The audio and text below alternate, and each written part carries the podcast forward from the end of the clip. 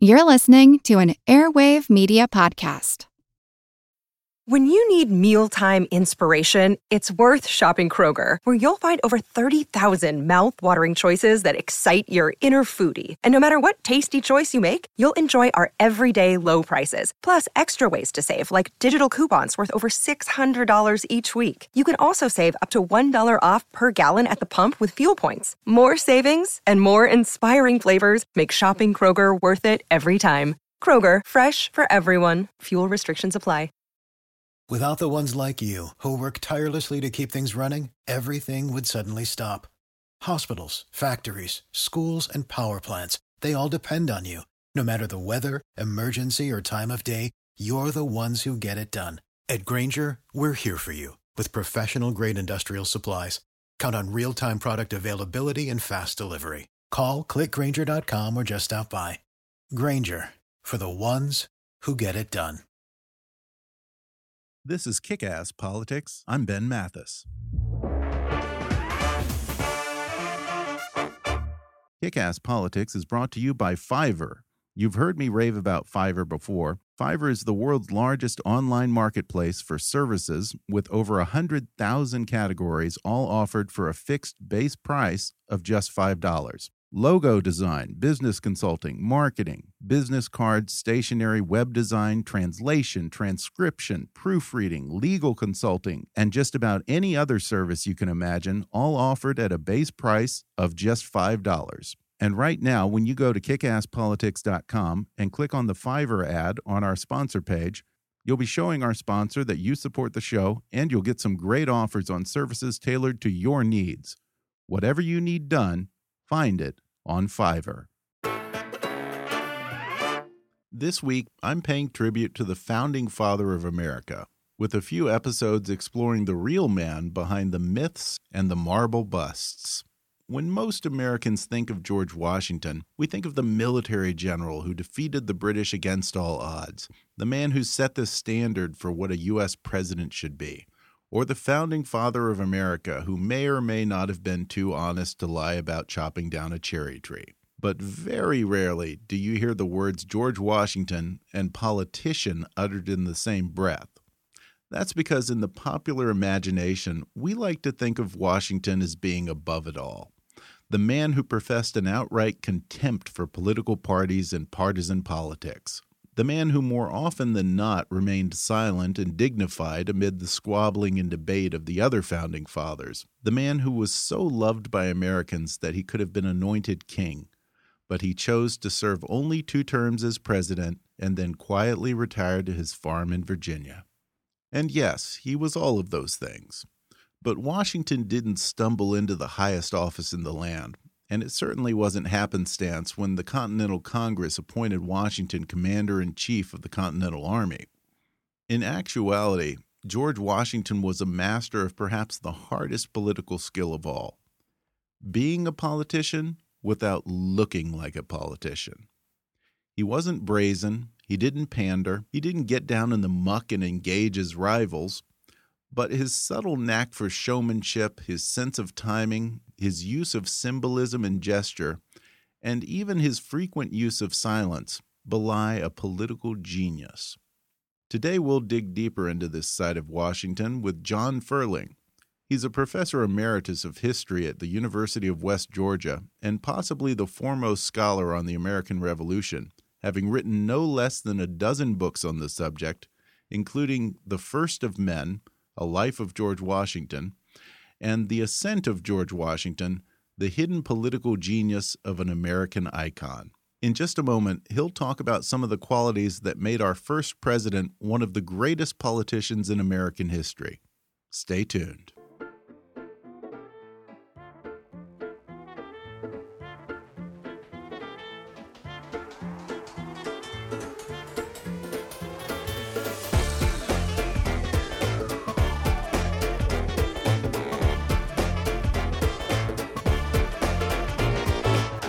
Hollywood to Washington, it's time for Kick Ass Politics. And now here's your host, Ben Mathis.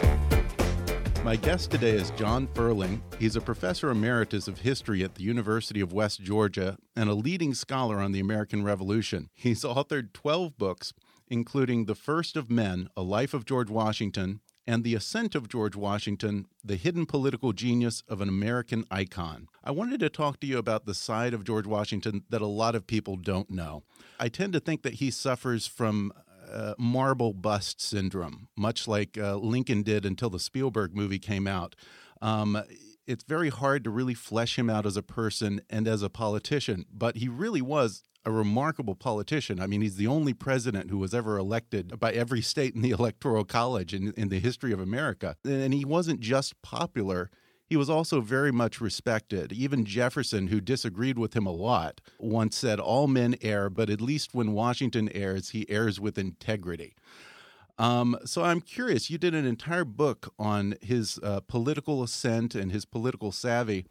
George Washington wasn't particularly well educated. Um, he didn't come necessarily from privilege uh, or from great wealth or a political family. Where did he pick up this interest in politics?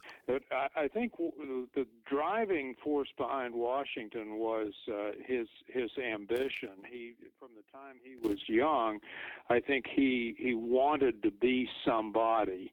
Uh, he he grew up, as you said, not not in uh, a privileged background, and in fact, he uh, he actually inherited uh, very little. When his father died, George was only about 12 years old when his father died, and uh, so it it appeared as though um, he he did not have a very bright future. He might might be somebody who would be well known in the county that he lived in around Fredericksburg, Virginia, but probably wouldn't wouldn't be uh, known outside of that because he, he wasn't educated and didn't have the means to obtain an education, as as you said. And so I think Washington uh, realized from the beginning that um, the fastest way that he could um, uh, ascend was uh, by becoming a soldier and perhaps winning recognition as a soldier. And so, as a young man, uh, to, for fortunately for him, a war broke out, what we call the French and Indian War, or sometimes the Seven Years' War, and he became a soldier for Virginia. In fact, he commanded what was called the Virginia Regiment, an army that Virginia raised in that war, and he served for almost five years as the commander of of that uh, military force from the time he was about 22 until he was 27. And that's where he really begins to learn politics because he has to deal, especially with the governor of Virginia. And he didn't do a very good job of it, actually. He eventually, the governor got turned off toward Washington and and uh, told Washington that he was an ingrate for, uh, despite everything the governor had done for him, uh, Washington uh, hadn't reciprocated and honored the the governor. So I think he learns a lot about how to deal with politicians and with the with uh, assemblymen and whatever while he while he is uh, a military um, uh, figure during that during that war. That that's really the the beginning, I think, of Washington's uh, learning as as a politician. And at the very end of the war, he he succeeded in getting elected to the Virginia House of Burgesses, which was the the, Virginia, the colonial legislature, colonial assembly in Virginia, and he he spends about 17 years as a legislator. So. Uh, he's with politicians and he's learning more about politicians and learning how uh, legislatures uh, work. But then the, that war came to an end. He married. He became um, uh, a plantation owner. He inherits uh, Mount Vernon when when Lawrence, his that stepbrother that I mentioned, died of tuberculosis, and uh, it looked like George had no uh, political future other than as a legislator in Virginia, and then the Revolutionary War came along, and things began to change in, in the wake of that. Right. So, what was that transition like for him going from a military man to the House of Burgesses? Well, he wasn't a very influential legislator. He he was, I guess, what we would call a backbencher.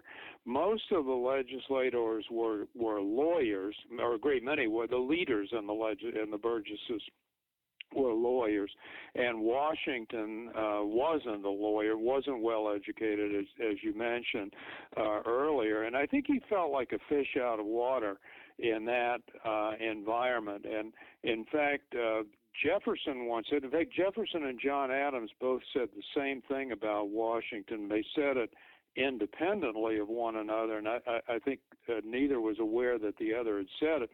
That both described Washington as being very slow and deliberate in making up his mind, but when he did make up his mind, he usually he was usually correct in the decision that he made. But in the legislature, where you have debates going on and give and take, you, you don't have the, the luxury of um, of uh, taking your time to think things through, and and Washington just couldn't do that. So uh, he he never really served on a major committee in the assembly. He was just there. He looked after his interest primarily, didn't sponsor any particularly important uh, legislation, uh, but it, it was, uh, I think, something that uh, he saw as an honor to be in the in the legislature and something that a distinguished person would uh, would want for himself. And it was a means of getting ahead. Obviously people in the legislature knew him. And then when the war came along um, uh, or, or when the revolution came along and they selected representatives to uh, the Continental Congress, uh, even though Washington hadn't been a particularly distinguished uh, assemblyman, he was selected to as one of the seven delegates that Virginia sent to the First Continental Congress. More, I think, because they probably recognized that war was inevitable. Here was a guy who had five years of military experience in command uh, commanding the uh, the army of Virginia and um, uh, they hoped that if war did come and an army was created, George Washington would be the person that Congress turned to to command the army, which of course is exactly what happened. Right. He certainly had a way of somehow always being in the right place at the right time. um, well, we're going to take a quick break, and then I'll be back to talk more with John Ferling about the political ascent of George Washington. Stay tuned.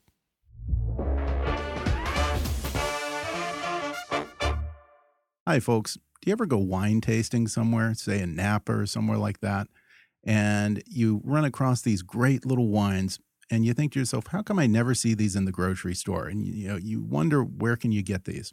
Well, check out our sponsor, Gold Medal Wine Club. Since 1992, they've been America's leading independent wine club.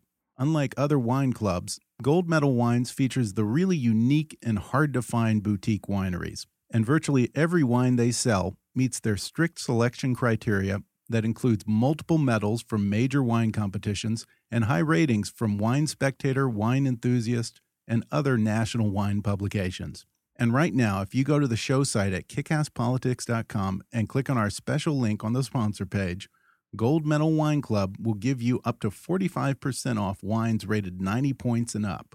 Plus, they'll even throw in free shipping. For all your wine desires, Gold Medal Wine Club. And if you like what we're doing here at Kickass Politics and you want to help keep us on the air, then please show your support for the show and make a donation by going to our GoFundMe campaign at gofundme.com backslash kickasspolitics. That's G-O-F-U-N-D-M-E dot com backslash kickasspolitics. Or go to the show website and click on the donate link. Your support will help keep us producing new and even more interesting programs in the future. That's gofundme.com backslash kickasspolitics. I appreciate your encouragement and support. Now, enjoy the rest of the show. We're back, and I'm talking with John Ferling about the political genius of George Washington. And it's interesting because we both describe him as a political genius, but there's a sense that in his own time, perhaps Washington was, I guess, to borrow a phrase from the other George W., uh, misunderestimated. With Washington, he wasn't one of those guys who was always engaged in heat, heated political debate. And I think there was kind of this mistake of perhaps of people sometimes seeing him as not being a great intellectual or a great political thinker like a Jefferson, an Adams, or a Franklin. But there is a sense, I think, when you look deeper, that in many ways he was one step ahead of everyone else. Because when you talk about the the Continental Congress, there's a story of how he shows up in his military uniform Right at the at the second Congress, which which convened um, about three weeks after the war began, he did bring his uniform along, and he wore his uniform. And it's it, I think to us in the 21st century, it seems uh, somewhat strange, but apparently it didn't really seem that strange to anybody at the at the time. The feeling was that even though an army hadn't been created, the colonies were at war. They were going to create an army, and Washington was demonstrating his commitment to the cause by wearing that uh, that uniform. So, um, but I think pretty clearly, too, most historians feel that what Washington was doing subtly, or maybe not so subtly, was telling them, look, I'm available when you do create the army, and I, I hope that you'll. Uh, uh, give me a high position in the army, and I'm sure what he hoped for was to be commander of that army. So in a way, I mean, it was a political move on Washington's part, but uh, a move with of some subtlety, not not a great deal of subtlety. Well, there was that side of him that I don't think people realize today that he was a bit of a showman.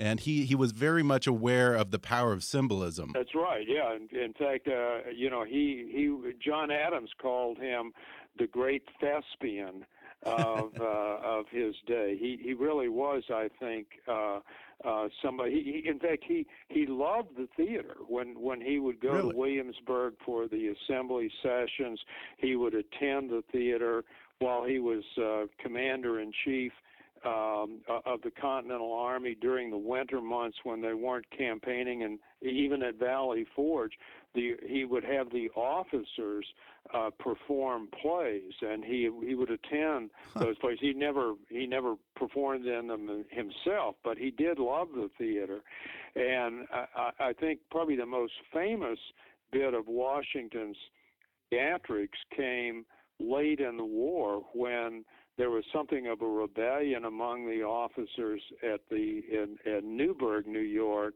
in early 1783, and Washington was trying to head off that that rebellion, and he did it by making a speech to the officers, and the speech pretty much fell flat.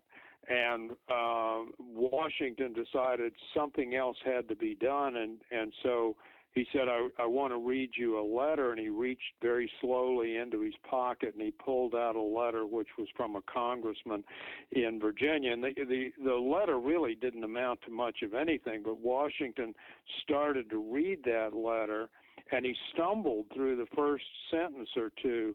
And then he said, again, he stopped and he reached into his pocket very slowly and he pulled out a pair of glasses. And no one had ever seen Washington wear glasses before. I mean, here's this big, strong, hardy individual, and Washington puts on a pair of glasses and he says, Excuse me for doing this, but I have grown nearly blind in your service. And with that, the uh, the conspiracy among the officers just melted away in in an instant, like snow under a, a bright sun. And Washington, through those those theatrics, had had accomplished what he had set out to accomplish, and what his speech failed to achieve. Right, and I think in the accounts of that meeting, uh, there are stories that some of the disgruntled officers who were uh, leaning toward insurrection started crying as right. he pulled yeah, out the glasses and read it. Openly, I, I think probably felt some guilt at what they had done, and and uh, the, the fact that Washington, Washington above all else, I think achieved this uh, sense um, with his with his officers and with the public too, that he he was uh, sacrificing during the during the war, and and he was sacrificing. I mean, he left he left home.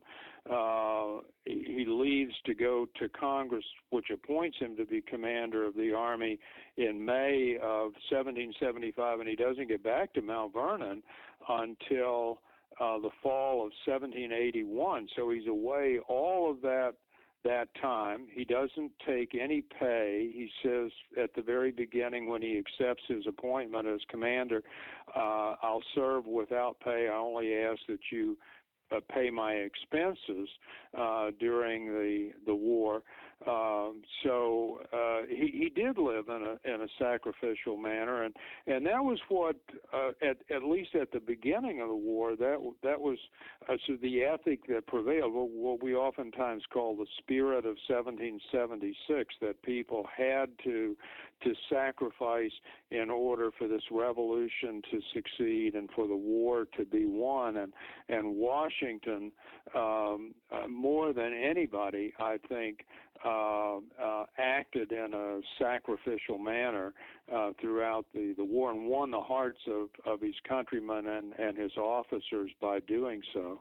Well, when we talk about you know, his use of symbolism and gesture, um, another thing that he was a master of is I, I, think it was Adams who said that he had the gift of silence. Yeah, I mean his second inaugural right, was uh, the, the well, shortest Adams ever. Wished that he had. Adams talked too much, I think. But you know, Washington, um, Washington did have that that gift of of silence.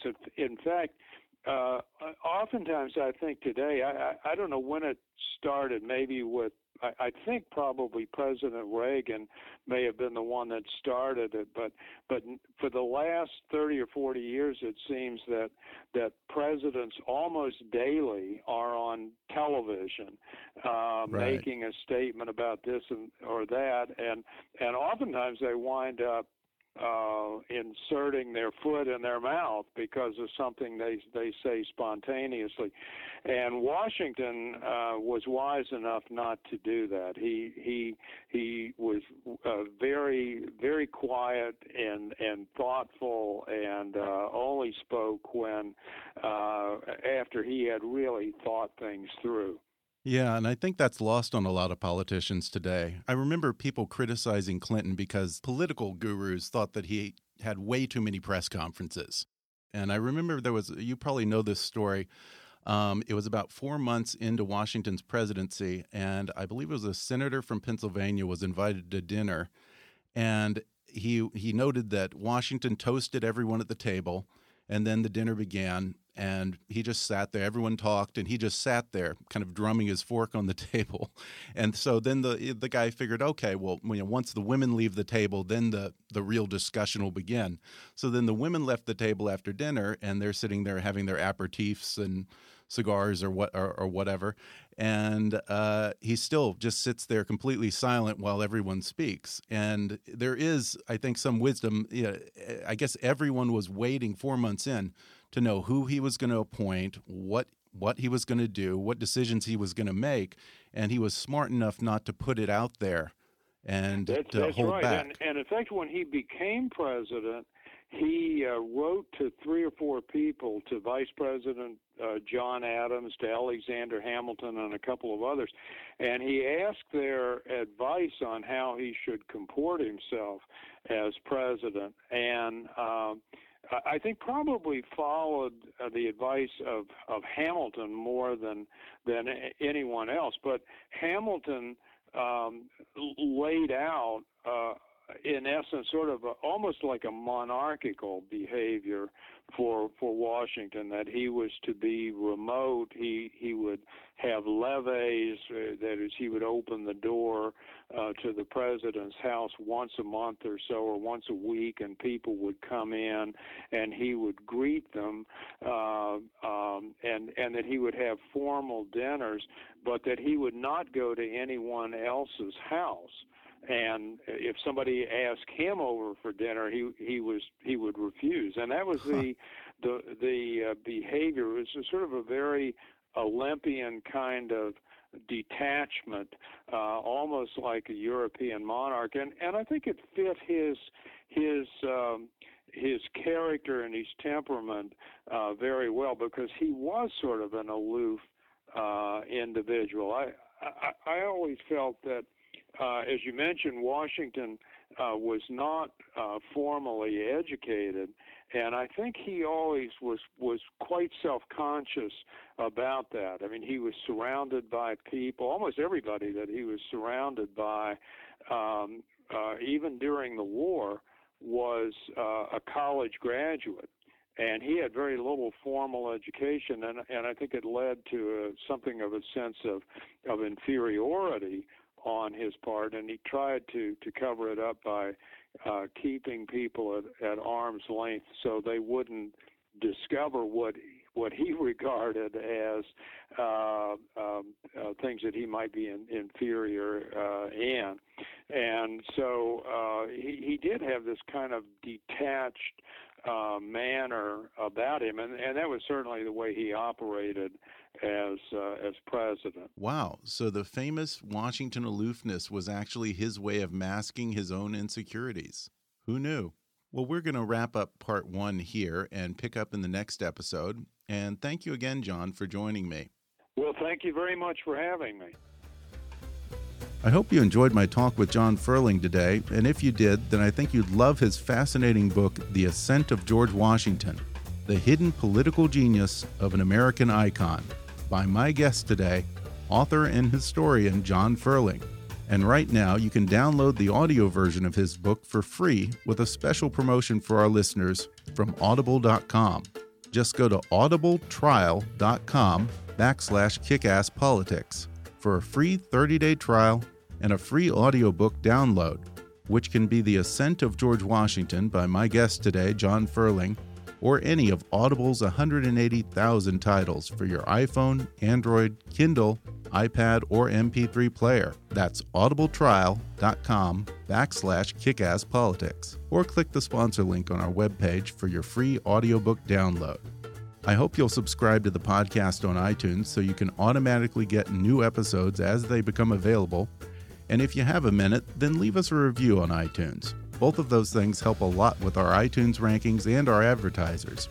And if you really want to help out and keep us strong, then please support the show by making a donation to our GoFundMe campaign at gofundme.com backslash kickasspolitics. Or go to the show website and click on the donate link.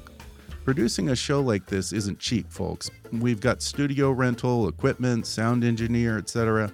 And your support will help cover some of those costs and hopefully even allow us to produce more new episodes per week. So help us out. That's gofundme.com backslash kickasspolitics. Or you can go to kickasspolitics.com and click on the donate link. As always, I welcome your comments, questions, and suggestions at comments at kickasspolitics.com or leave a voicemail on the toll free listener hotline at 844 KA Politics. Now, this was only part one of the political genius of George Washington, so be sure to tune into the next episode when we'll delve even further into the side of George Washington that few people ever really knew with author and historian John Ferling. Until then, I'm Ben Mathis and thanks for listening to Kick Ass Politics.